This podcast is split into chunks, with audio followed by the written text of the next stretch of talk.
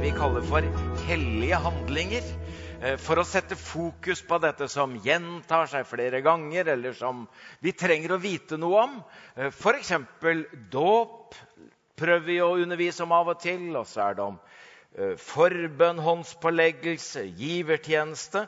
Og i dag er denne søndagen hvor vi konsentrerer oss om den hellige handlingen nattverd.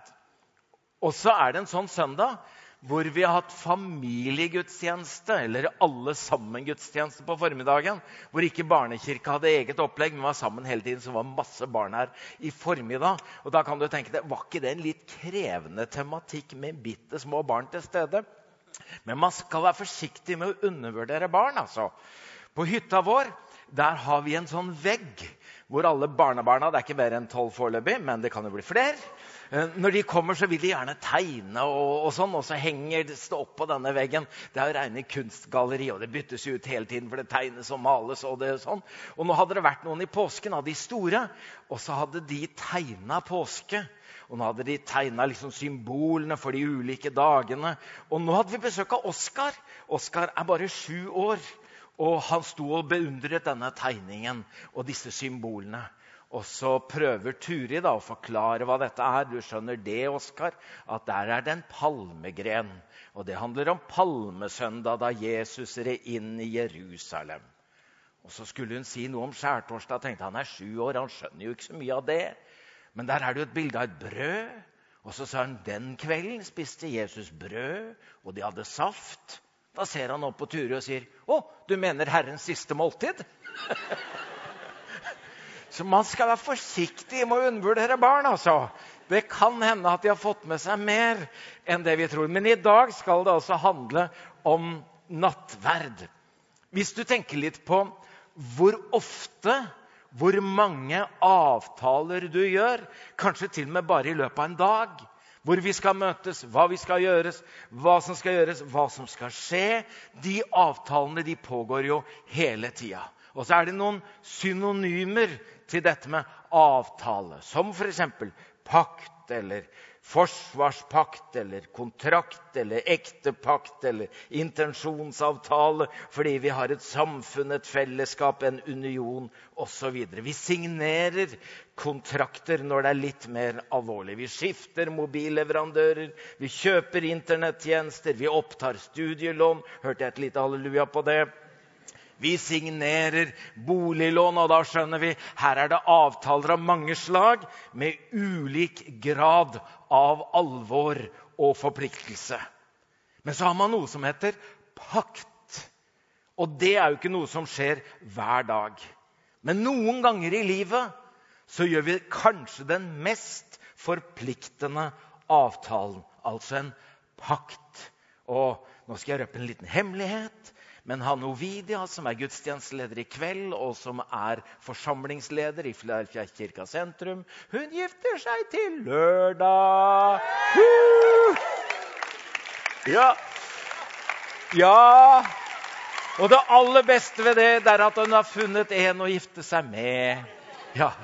Og det kalles ekte pakt. Du vet, Når Hanne og Halvard står foran presten da på lørdag, så er det jo ikke bare et spørsmål vil du ha han?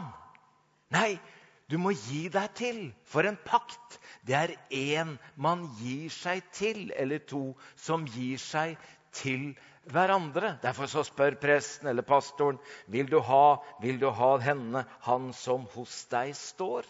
Det handler om livet. Vi vil dele liv. Og Derfor er dåpen også en pakt. Det er en dåpspakt.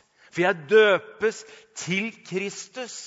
For det er ikke en kortsiktig avtale, men jeg ønsker å dele liv og evighet med Jesus Kristus. En dåpspakt. Da skal jeg betro dere en hemmelighet til.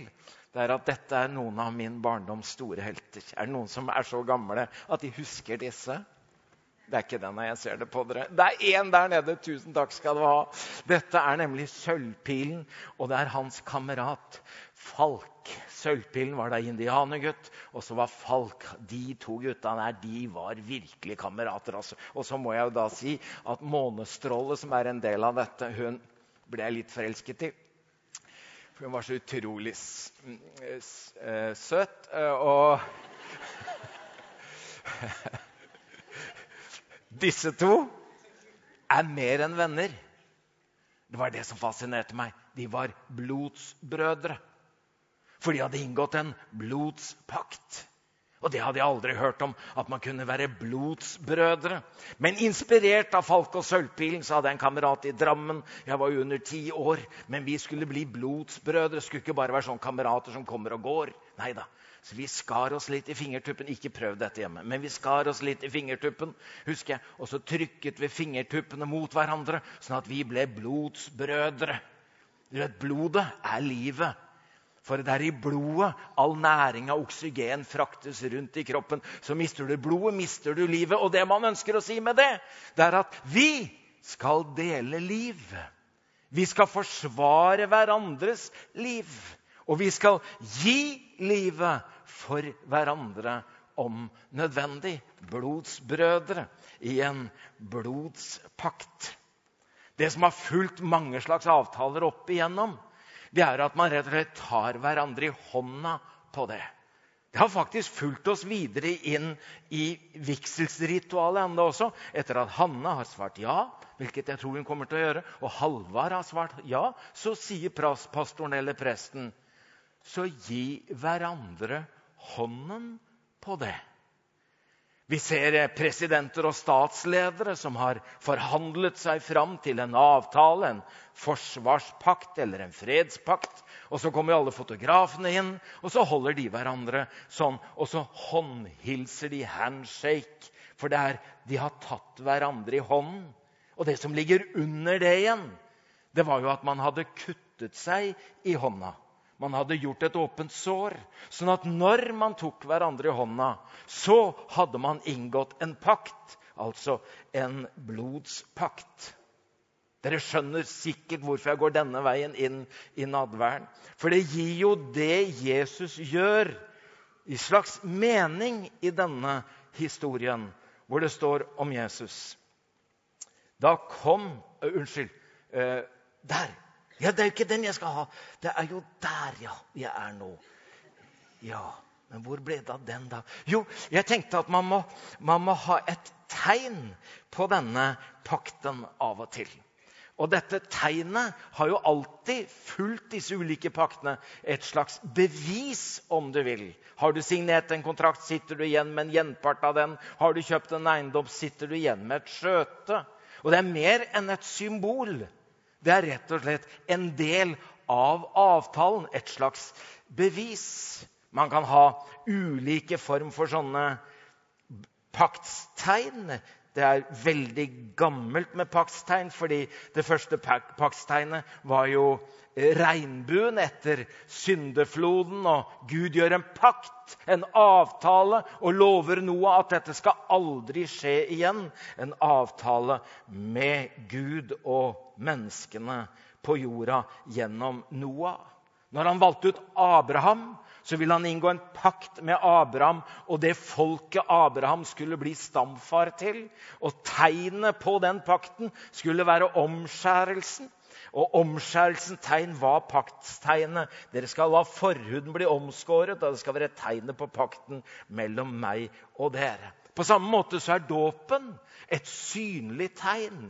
Du har kommet til tro på Jesus, du tilhører Jesus i hjertet, men du synliggjør det ved et paktstegn. Alle kan se det. Nå skjønner vi at det er noe fysisk, og at dette paktstegnet er synliggjøringen av det som allerede er en sannhet.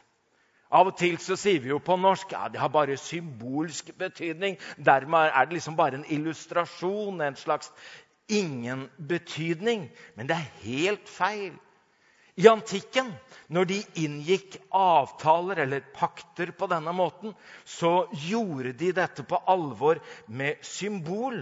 Og symbolet kan f.eks. her være sånn to halve hjerter som er tilpassa litt hverandre. For du skjønner, pakt, det hebraiske ordet for pakt, berit, det betyr egentlig å kutte. Man kan kutte, man kan kutte leirtavle, man kan kutte bein, man kan kutte stein. Og så tanken var at når man hadde kuttet dette altså Berit betyr kutte, så kunne man tenke seg at man, at man kutta f.eks. dette Skal vi se Det var vel kanskje bedre om jeg gjorde det litt sånn og litt sånn og litt sånn og litt sånn og litt sånn. Ikke sant? Og så litt sånn. Der er det.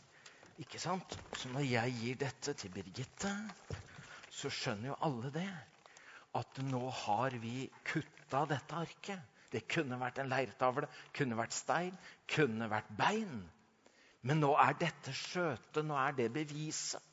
Og det betyr at ikke alle i verden kan bare tenke ja, jeg har et halvt ark, jeg også. Men det vi vet, det er at når vi prøver dette sammen, så stemmer det. Da hørte jeg et halleluja der. Og vet du hva? Dette er jo ikke da bare et symbol. Det er avtalen. Og det ble etter hvert brukt som identitet og gjenkjennelsesbevis. Så i dag, når du legger fram ID-kortet ditt for at folk skal vite hvem du er, så hadde man da en del av en sånn som egentlig var et identitetsbevis. Ja, men Det er bare et symbol. Nadværen er bare symbol, sier noen. Men hør her. Symbol kommer av symbolon, som betyr sammen føye. Diabolo det er det motsatte. Det er å rive fra hverandre. Derfra har vi ordet djevel. Det betyr at djevelens hensikt er å rive fra hverandre, mens Guds hensikt, symbolet, det er å føye sammen. Det vi gjør i dag når vi feirer nattverd, det er at vi ser at det er noen som har en pakt. Vi hører i hop. Da gir det mening når vi ser både pakten og paktstegnet, når Jesus bryter brød og sier 'Dette er min kropp, dette er mitt blod', og så gjør han det synlig. Han gjør det fysisk, og så holder han sammen det synlige og det usynlige, det åndelige og det fysiske. Lukas 22, 19-20. Vi leser sammen i Jesu navn.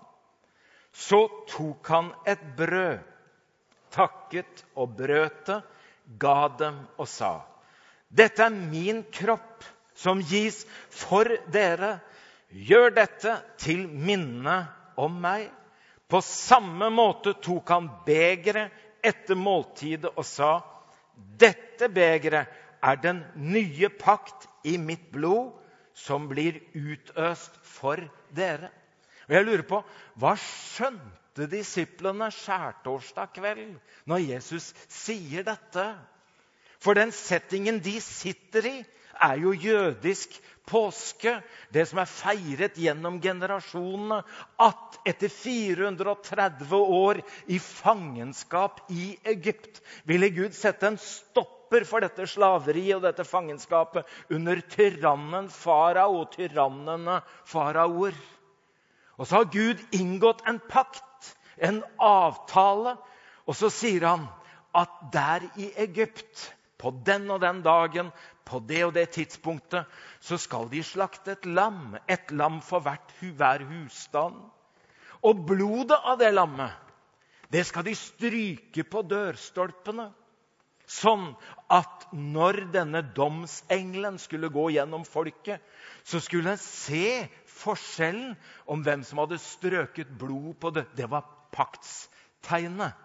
Og så sier Gud, 'Når jeg ser blodet, så vil jeg gå forbi.' For påske betyr jo akkurat det. Pesach betyr forbigang. Det betyr friheten er gitt. Dommen har gått forbi. Halleluja, for Gud holder sin pakt. Jeg vil gå forbi.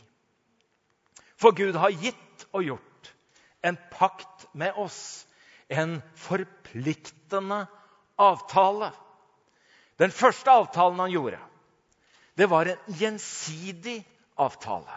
Den ble kalt for den gamle pakt. Den gamle pakten den besto av det som er vanlig for alle avtaler og kontrakter.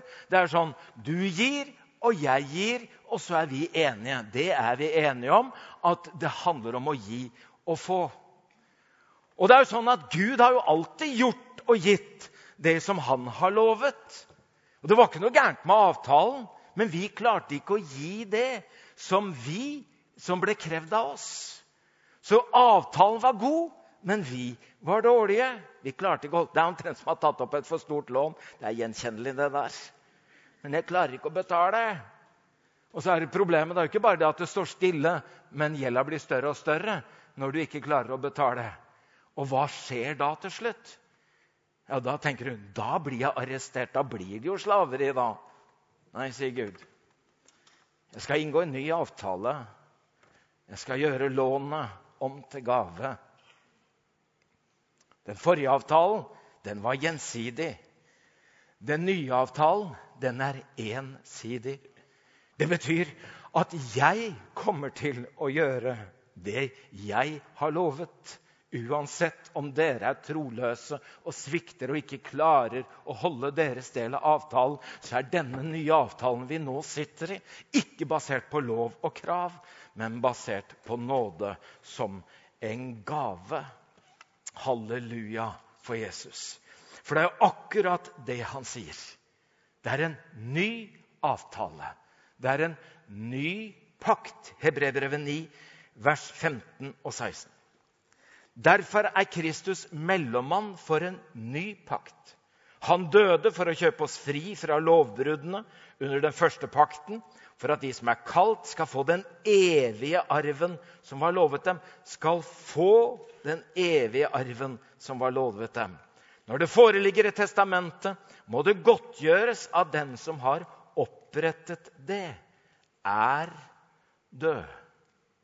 Derfor heter det Gamle testamentet. Det var den gamle avtalen. Og så heter det Nye testamentet. Det er den nye avtalen. Og Det er mange måter å lese Bibelen på, men det er utrolig dumt å ikke lese Testamentet som arving. Er det mulig? Har jeg fått alt dette? Er alt dette gitt meg for ingenting? Er det ingen krav som skal oppfylles? Er det ingen betingelser, ingen liten skrift i denne avtalen? Nei, han som opprettet sitt testamente, han er erklært død da ble testamentet gyldig, og alt er overført til oss. Halleluja, sier jeg. Kan jo dere finne på noe annet å si? Jeg tenkte jeg skulle oppsummere nattverdens betydning bare på fire punkter. Det er selvfølgelig masse flere, mer å si om nattverd. Det er et mysterium. Det er nesten som en diamant som du ser inn i med ulike fasetter. Men jeg har valgt å velge fire ting denne kvelden, og de kommer her. Nattverden formidler Guds nåde. Et nådemiddel er jo et sakrament. Det er et, en, et konkret og synlig tegn på at Gud gjør noe i og med og for oss, selv om vi ikke verken kan forstå det fullt ut, kjenne det fullt ut, se det eller høre det fullt ut. Altså, hellige handlinger er selvfølgelig ikke bare hva vi gjør, men at gjennom våre handlinger handler Gud. Som når vi døpes, så handler Gud gjennom vannet. Så når vi tar imot brød og vin, handler Gud gjennom brødet og vinen. Og så er det veldig mange mennesker da som har tenkt ah, dette ser ut som et premiebord. dette. Har jeg gjort meg fortjent til dette, da? Er jeg verdig å gå til nattverd? Og det henger litt tilbake, ikke minst fra gammel tid, hvor man måtte melde fra til presten at de har tenkt til å gå til nattverd på søndag. Da skulle man få beskjed tilbake etter at presten hadde forhørt seg og prøvet om du var verdig til å få nattverd. Og da kunne du komme og motta brød og vin. Unge mennesker er ikke så opptatt av det, men det fins mennesker over hele dette landet som har dette i seg. Vi lagde 100 søndagsåpne-programmer for å sjekke etter sporene av Jesus i det norske samfunn 2000 år etter Kristus. Reiste til Utsira. Eh, det er jo alltid de som gir mest på TV-innsamlinger gjennom NRK.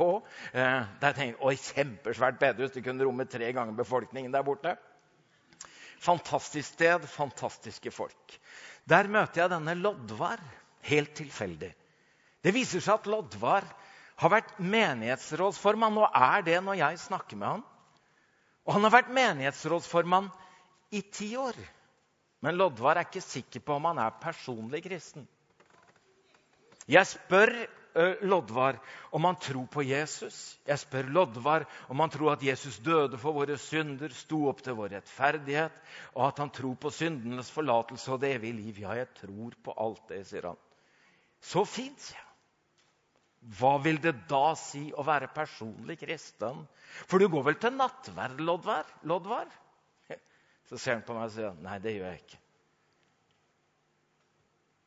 Mener du at du har vært menighetsrådsformann i kirka her i ti år og enda ikke gått til nattverd, sier han. Jeg vet ikke om jeg er godtatt. Hvem er det som skulle godta deg, da? Det viste seg at det var en klan på øya. Det hadde vært sånn før. Som liksom hadde definisjonsmakten på hvem som var innenfor og hvem som var utenfor. Jeg snakket med klokkeren Sigurd. Sigurd hadde vært klokker i mange år. Men du går vel til nattverd, Sigurd? Nei. Jeg vet ikke om jeg er godtatt. Nå mener du ikke at du dekker nattverdsbordet for de andre her på øya, og du ikke tør å gå? Jo, jeg har aldri gjort det. Jeg var veldig glad når jeg fikk melding om at Loddvar hadde gått til nattverd noen uker etter at vi hadde vært der. Og det var mange som uh, syntes at dette gjorde et sterkt inntrykk. At det var så høy terskel til nattverdsbordet, som ikke var tenkt som et premiebord for god oppførsel, men som var tenkt som et nådebord for alle syndere som trenger nåde. Det er Jesus som sier det. Se, jeg står for døren og banker. Om noen hører min røst og åpner døren, så vil jeg gå inn til ham og holde måltid, jeg med ham og han med meg. Det er ikke bare praktisk at vi kommer til nattverdsbordet med tomme hender. Det er symbolsk. Det er sant. Vi kommer ikke med noe å gi, men vi tar imot. Det kalles nåde når du får alt for ingenting. Så er det sånn at nattverd, det er punkt to, fornyer Guds barn. Du vet at Vi har noen avtaler som fra tid til annen må fornyes eller bekreftes. Det betyr at det er løpende avtaler, men det kan ligge en klausul om at den kan utvides, at den kan forlenges. Og når den utvides og forlenges, så er det jo ofte fordi at vi er fornøyd og har tenkt å fortsette. Og nå har jeg vært pastor i så mange år at jeg har jo også via folk, de samme folka, flere ganger. Altså Ja, jeg har vært med folk som har vært separert. Jeg har vært med folk som har vært igjennom tunge ekteskapskriser. Eh, men Det bør ikke være det. men Det kan være sånn at man har vært gift i 25 år. Jeg har via sølvbrudepar for annen gang. Og så fikk jeg gleden av å vie min egen mor og far til gullbryllupet. Da har du vært gift i 50 år. Det var ganske festlig. Når vi søskna var der, og alle våre ektefeller. Og eh, det var vel 26 barnebarn. Og jeg skulle være som vigselsprest for mor og far og spurte far vil du fortsatt ha. Han sa ja takk. og det var noe vakkert. Det var ikke første gang, det var heller ikke andre gang. Men de vi hadde bare blitt enige om at vi fortsetter. Vi bekrefter. Vi fornyer. Og Sånn sett så er det med dåpen en engangshandling, mens nattverden er liksom bekreftelsen og gjentagelsen og gjenkjennelsen. Fordi det fornyer det bekrefter denne avtalen som vi allerede er en del av. Og Da er det noen som tenker ja, da får jeg vel gjøre det hvert 25. år da, eller hvert 50. år. Men det står om de første kristne. Hver dag holdt de trofast sammen på tempelplassen. Og hjemmene brøt i brødet og spiste sammen med oppriktig og hjertelig glede. Apostlenes gjerninger 2,46. Hver dag. Altså, De gjorde det ofte fordi det ligger en fornyelse, bekreftelse i dette, som gjør at man holder det levende i hjertet sitt, den avtalen jeg får lov å være en del av.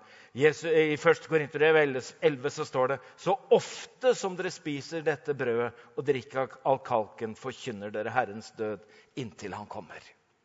Du vet, Av og til så tenker vi jeg har ikke fått noen følelse av gudsnærvær og noen bekreftelse. Jeg hører andre kan vitne om det. Nå kjente jeg Gud var veldig nær. Og Så kommer det noen perioder i livet med depresjon, og så kommer det med utlading og ME, og så kjenner jeg egentlig ingenting. Så kommer det noen perioder hvor ord oppleves bare tomme. Og orker ikke mer snakk. Jeg orker ikke å lese, jeg orker ikke å høre heller. Gud har et kroppsspråk. Fysisk. Jeg kan spise det. Jeg kan kjenne det. Jeg behøver ikke å forstå det. Jeg behøver ikke å oppleve noe. Det er bare jeg gjør dette fordi det er noe kroppslig, noe sanselig. Og så er det bare Gud som vet hva som skjer i og gjennom nattverden. Dette er familien Svartdal på en rasteplass. Det er jo sånn Når du tar med deg fem små barn som er ganske tette, på ulike former for ja, Det var ikke så spennende ferieturer. Eh, men eh, det blir jo noen mil i bil. Folk på en buss. Fantastisk. Og så har du ikke kjørt mer enn tre kilometer før den første spør er vi snart framme. Og så prøvde vi å legge opp litt sånn eh, noen spennende reisemål til her eller dit, sånn om det skulle være Dyreparken i Kristiansand eller hvor vi skulle hen. I ettertid, når barna er blitt store, så snakker de ikke så mye om Legoland og hvor vi måtte ha vært hen. Men de snakker om rasteplassene. Ikke hvilket sted vi var, men at vi hadde fått en slags rutine på å raste. Det var for oss bare for å spare penger. Vi hadde jo ikke råd til å senge eller den bunchen inn på kafé. Nei. Så da hadde vi med loff eller rundstykker, og så hadde vi kjøpt banan, og så hadde vi friskt jordbærsyltetøy, og så var alt klart. Og så pakket vi dette ut av bilen og pakket opp. Og så snakker de ikke om reisemålet, men de snakker om pausene og rastene underveis. For meg er dette en rasteplass. Vi er Guds folk. Vi er på en pilegrimsvandring. Vi har et mål i sikte, men underveis så tar vi oss pause og får oss litt forfriskende og fornyende. Det var jo ildprofeten Elia som nå var ute i ørkenen og var ikke helt i form heller. Han sov under en gyvelbusk. Men Herrens engel kom en gang til og rørte ved ham og sa, 'Stå opp og spis, ellers blir veien for lang for deg.' Da sto han opp og spiste og drakk, og styrket av maten gikk han 40 dager og 40 netter til han kom til Guds fjell Horeb. Styrket av maten gikk han videre. Det er fint å bli fornyet gjennom nattverden. I tillegg til det så er det sånn at nattverden forener Guds kirke. Det er punkt nummer tre. I den jødiske tradisjonen og i Midtøsten for øvrig så er det jo sånn at om du spiser sammen med noen, så har du fellesskap med dem. Og du spiser ikke med mennesker som du ikke vil være sammen med. Derfor er det sånn at jødninger, jøder tradisjonelt jødninger, ikke spiste sammen med hedninger. Rene ikke spiste sammen med urene. Det var jo klare skiller sosialt, religiøst, politisk. Fordi å spise sammen er nærhet og intimitet. Derfor er det jo fantastisk hvem alle Jesus spiser sammen med. Alt dette med politiske og sosiale og religiøse grenser fantes ikke i Jesus. Han ønsket å spise med tollere og syndere. Jeg vet ikke hvor kresen du er, men du kan jo se deg litt rundt. Men dette er det vi kaller kirke. Folk av alle slag. Du vet ikke hvem du får det av. Du vet kanskje heller ikke hvem du gir det til. Men dette bordet, om det kan det sies vi sitter ved samme bord. Vi forenes ved dette bordet. Jeg får det av noen, jeg gir det til noen, og vi hører sammen. Himmel og jord, Gud og mennesker, og vi mennesker. Det er et fellesskapsmåltid. Altså er nattverd egentlig ikke noe særlig greier for solokristne. For ingen av oss tar nattverd for oss selv. Vi deler nattverd med noen andre.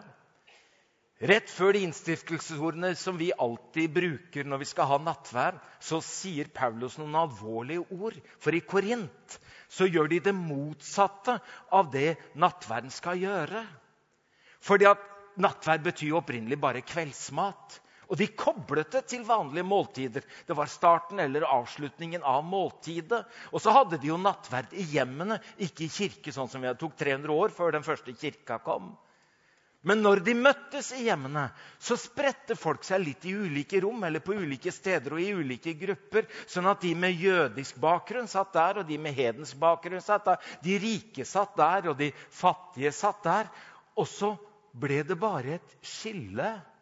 Paulus kaller det splittelse. Så sier han, 'Skjønner dere ikke?' At dere må gjøre forskjell på dette med vanlig måltid og Herrens måltid. Det er jo nettopp foreningen som ligger i dette måltidet, at vi er ett. Og det står Først går inn 10. Velsignelsens beger som vi velsigner, gir det ikke del i Kristi blod? Brødet som vi bryter, gir ikke del i Kristi kropp?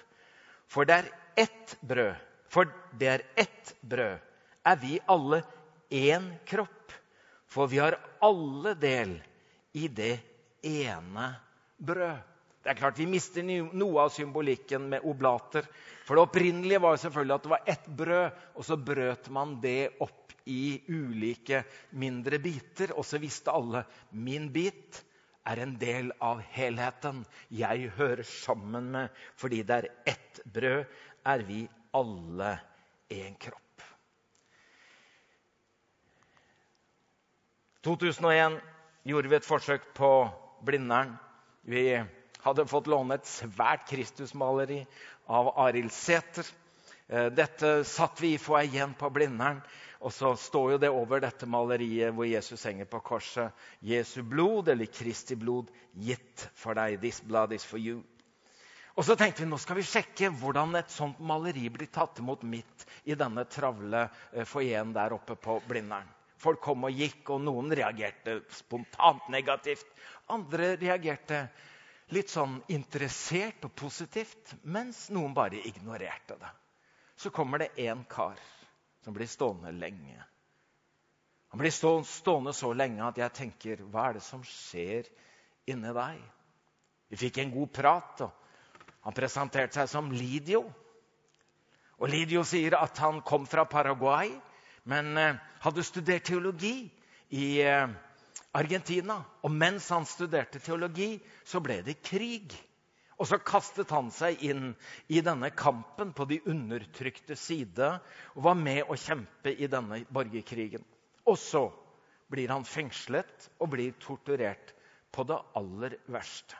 Han forteller om hvordan de koblet strøm til tennene hans, til testiklene hans når han satt i badekar. Altså, han fortalte om de grusomste ting. Og så sier han og det verste for meg var at han som var ansvarlig for tortur, hadde et halskjede med et bilde av Jesus.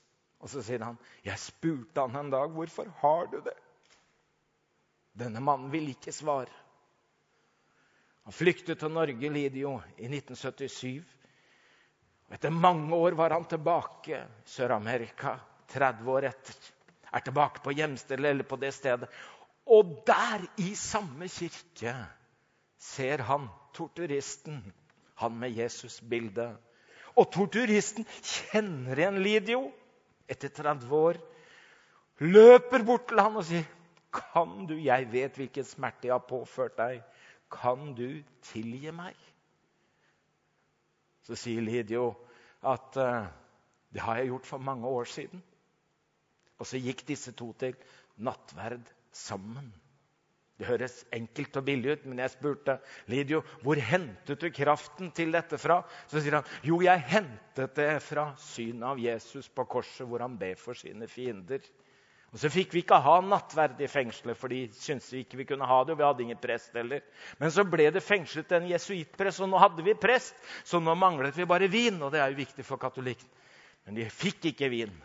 Da sier jesuittpresten, når du er torturert, Lidio, og har så mange åpne sår, så kan vi feire nattverd på cella med brød, og så kan vi bruke dine sår som vin. Så får det symbolisere Jesus sår for oss. Når vi kommer til dette bordet, så vet vi at vi møter en ensidig avtale hvor Gud sier uansett hvem du er, uansett hva du har gjort, så er du velkommen. Og så er det jo spørsmål om du og jeg kan snu oss rundt og si det samme til de vi gir det til, eller kan ta det imot. Men dette er det bordet som forener Guds folk. Og til slutt det er det bordet, nattverdsbordet, som gjør at vi forkynner Guds evangelium. Det er jo bare noen få som preker i en gudstjeneste, det er noen få som synger, det er noen få som er synlige. De fleste er jo deltakende på ulike måter uten at det er hørbart eller spesielt synlig. Men hver gang dere spiser dette brødet, står det i 1. Korintbrev 11, så, og drikker av begeret, forkynner dere Herrens død helt til han kommer. Troen er usynlig. Ingen av oss vet hva som foregår inni den andre. Nei, det er skjult. Det er en hemmelighet hva vi bærer inni tanker og hjerte. Men idet vi gjør denne handlingen, så er den ikke lenger skjult. Den er synlig. Så når vi forkynner, så bekrefter vi. Vi synliggjør for Gud. Jeg tar imot. Jeg er en del av denne avtalen. Jeg tar imot din nåde. Men jeg forkynner også for de andre som er her. Det er ikke lenger privat eller skjult, men det er synlig.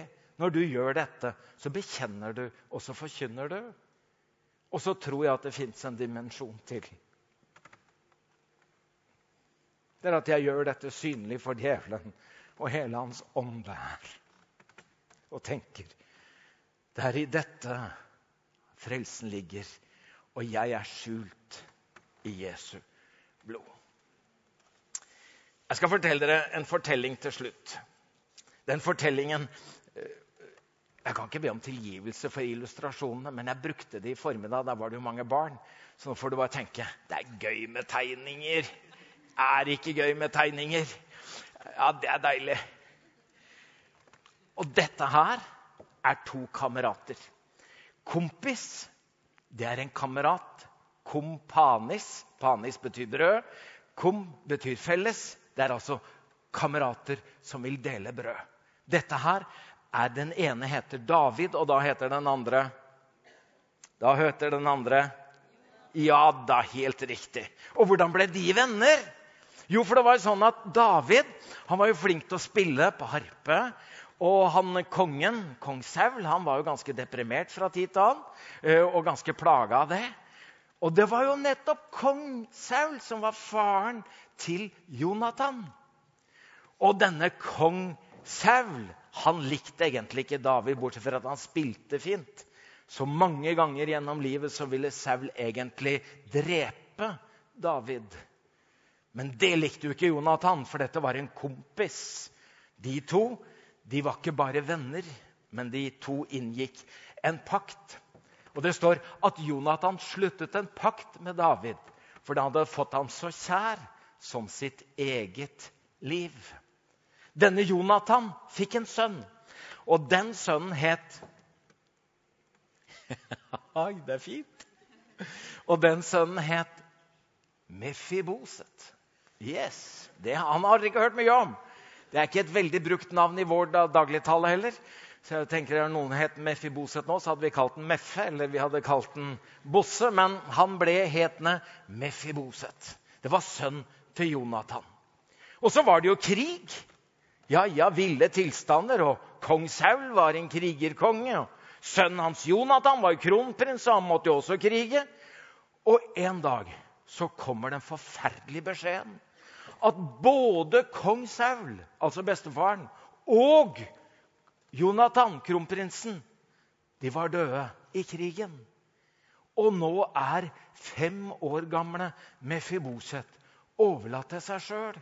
Og den gangen var det jo sånn at alle de som er våre fiender, da dreper vi så mange som mulig. Og så tenkte han og de, da kommer de helt sikkert for å ta Mefiboset også. Så fostermora hans tok tak i Mefiboset. Og så begynte hun å flykte, for hun skulle prøve å få han i sikkerhet. Og så skjer den store tragedien når hun løper med Mefiboset for å få han i sikkerhet, at hun mister han. Og han ramler i bakken og ødelegger begge beinene, sånn at han blir lam.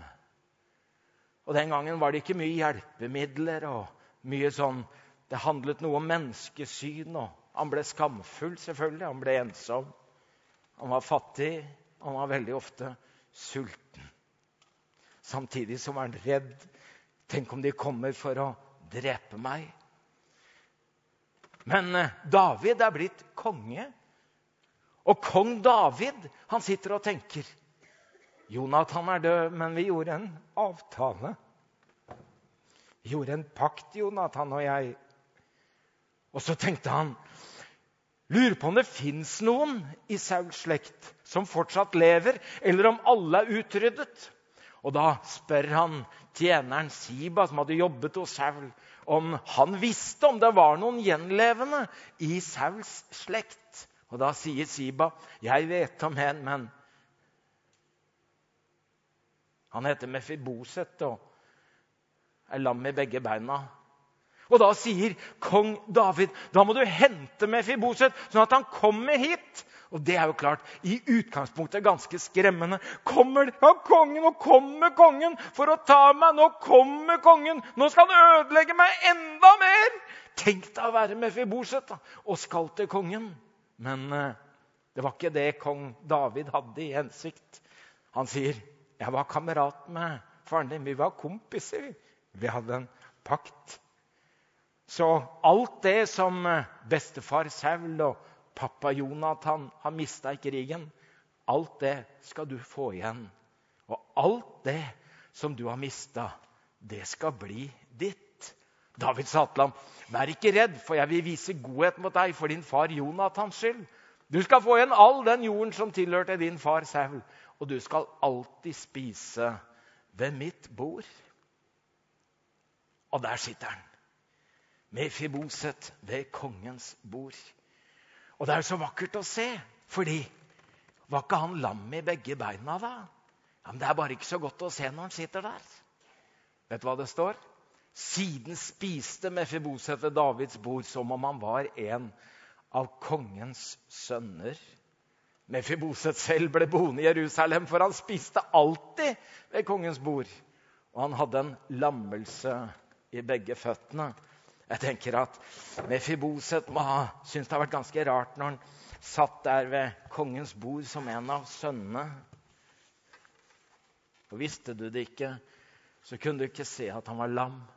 Det var jo ikke noe å skamme seg for det. Men vi bærer med oss ganske mye i livet. Jeg vet ikke hva som har skjedd med deg, eller hva du har gjort. Jeg vet ikke hvilke sår og skader du har, og tenker Kan jeg komme hit? Hører jeg hjemme her? Så er det fantastisk at vi sitter som gjester, nei, som sønner og døtre ved kongens bord. Og så skjules alt av det Gud har gjort for oss.